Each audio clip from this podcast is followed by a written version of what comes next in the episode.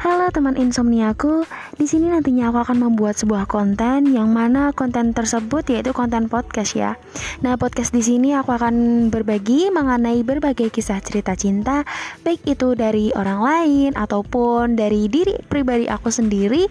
Dan tentunya aku juga akan berbagi mengenai kisah-kisah kehidupan yang nantinya kisah tersebut dapat memotivasi diri kita semua dan belajar cara untuk menghadapi sebuah masalah yang mana masalah tersebut dapat menjadikan diri kita tertekan, emosi, dan bahkan menjadikan diri kita sedih ataupun gelisah. Dan tentunya nantikan konten-konten yang ingin aku unggah dan tentunya tetap stay tune di teman insomniaku.